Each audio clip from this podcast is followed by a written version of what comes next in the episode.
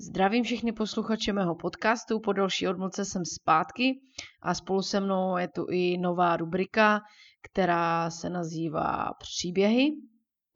A proč zrovna příběhy, nebo o co vlastně jde, tak uh, já jsem takový lidový vypravěč, baví mě vykládat různý právě tyto stories, co se mi kdy v životě stalo vtipného, trapného, uh, nebo neuvěřitelného, protože si myslím, že toho mám docela dost. A jako první, eh, první takový příběh, eh, který mě hnedka napadl, že se s váma chci o to podělit, protože eh, je to takový jako opravdu vtipný.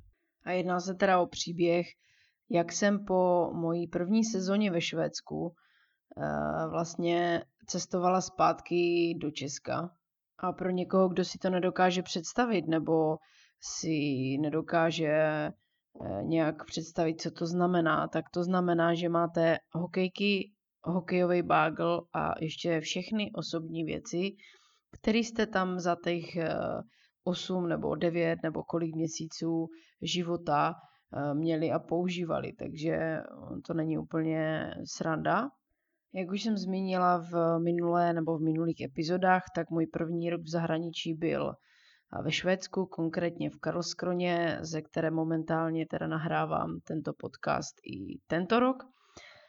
No a abych začala tím, jak vůbec se z té Karlskrony eh, dostanu do Česka, jaká je, jaký je ten cestovní itinerář, tak jde o to, že v Karlskroně na nádraží sednete na vlak, jedete tři a půl hodinky do Kodaně přímo na letiště.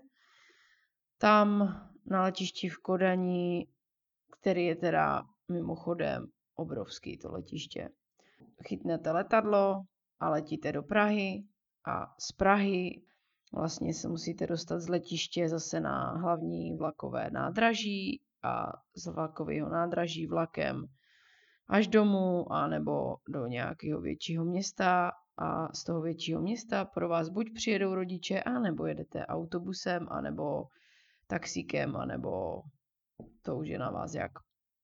Začnu tím, že eh, k letence jsem měla objednaný eh, jeden 32 kilový bágl a jeden 23 kilový bágl. Samozřejmě na bytě, že jo, jsme neměli váhu, aby, abych, si ty abych si ty bágly zvážila, takže jsem musela spoléhat na uh, svůj uh, úsudek. A tak jsem samozřejmě usoudila, že všechno je OK a byla jsem ready odcestovat. Um, měli jsme to tak, že vlastně já jsem odjížděla z bytu poslední ještě s mojí slovenskou spoluhráčkou a museli jsme jet posledním nočním vlakem, který vlastně v Kodani na letišti byl nějak o půl jedné ráno a potom jsme kolem sedmé nebo osmé raní měli let. Na nádraží si to vybavuju, jsme jeli MHDčkem, klasika, to nebyl ani zase takový žádný problém, jenom vím, že pršelo, tak jsme nadávali docela.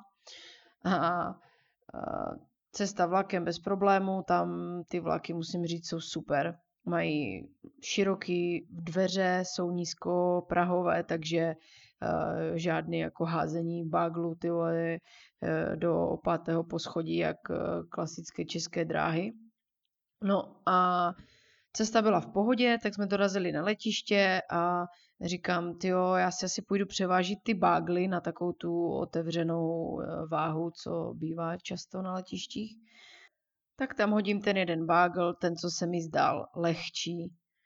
Je 32 kilo. Říkám, hm, super.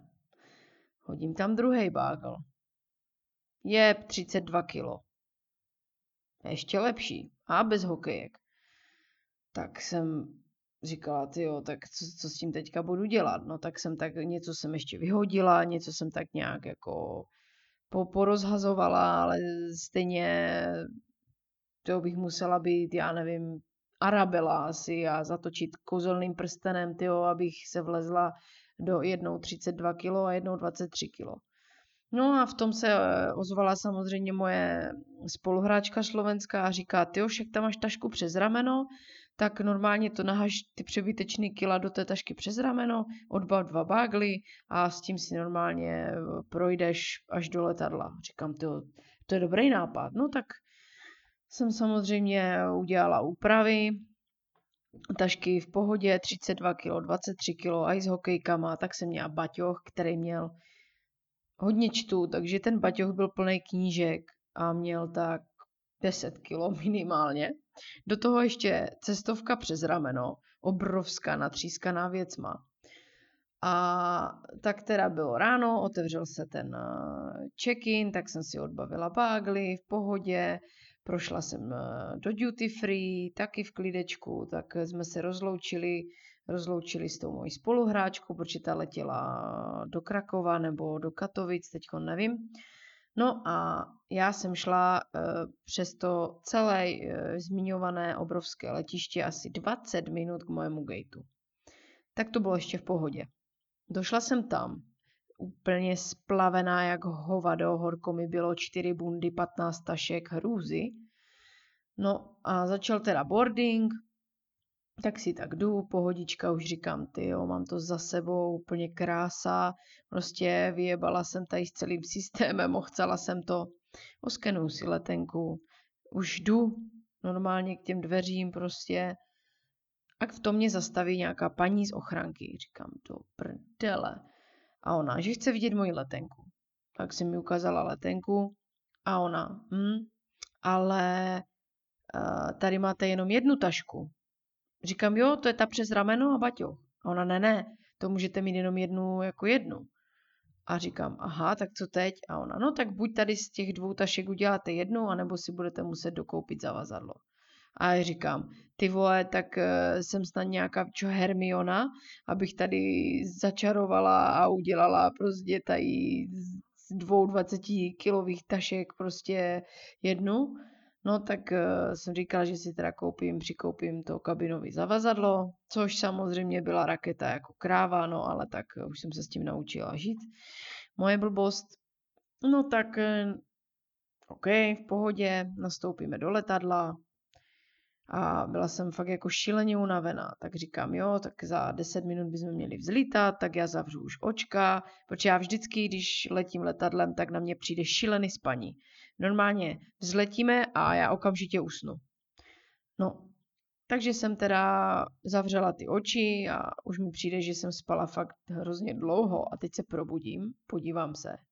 A my pořád ještě byli v Kodani, na runway, ještě jsme se ani nepohli z místa. Říkám, no to si děláš prdel.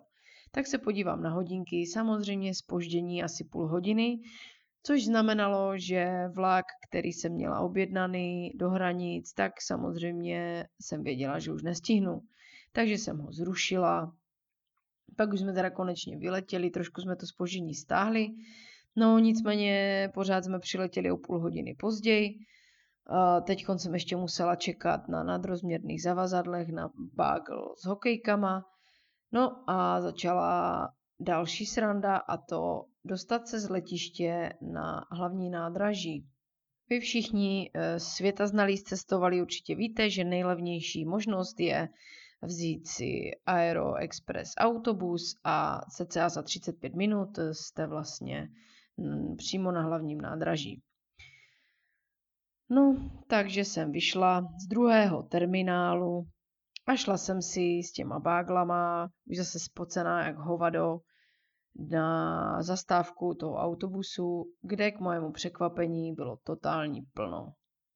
Jeden autobus mi ujel, takže jsem čekala na ten další. Zase se tam nahrnulo tisíc lidí a protože Češi jsou tak strašně super, tak samozřejmě mě nikdo nepustil a já s těma dvouma báglama, 15 baťohama a hokejkama čekala až jako úplně poslední ve frontě a přišla na mě konečně teda řada a říkám tomu pánovi řidičovi, jestli by mě mohl pustit zadníma dveřma, že mám jako velký bágly, takže asi jako neprojdu tu dma.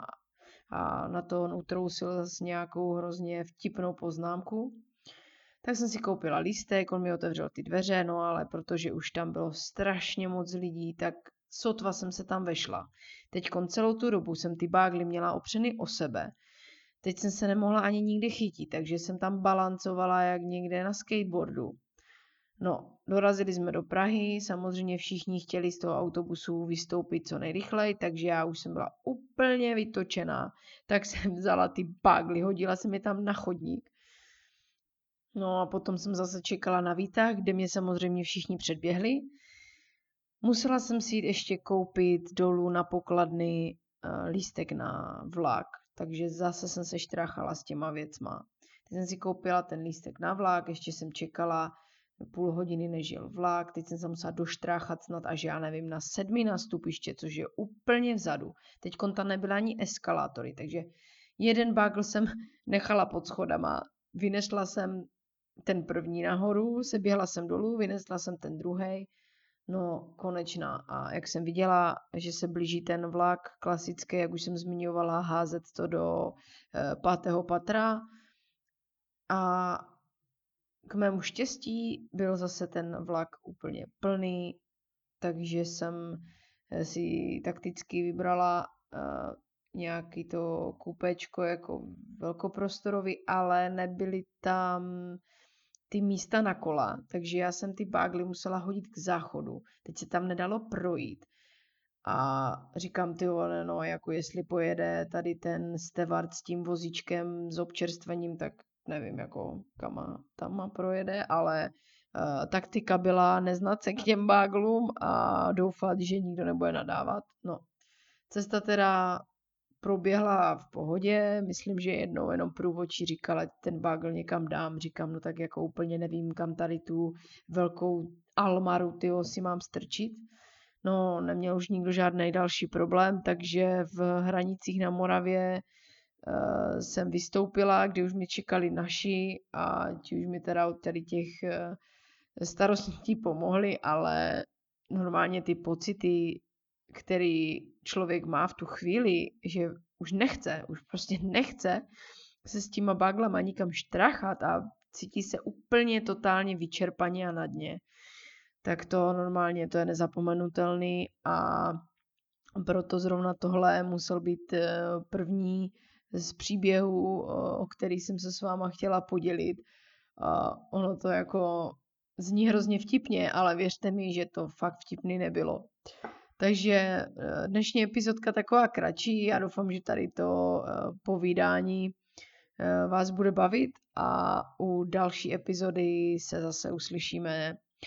Mějte se krásně a díky za váš čas. Ahoj.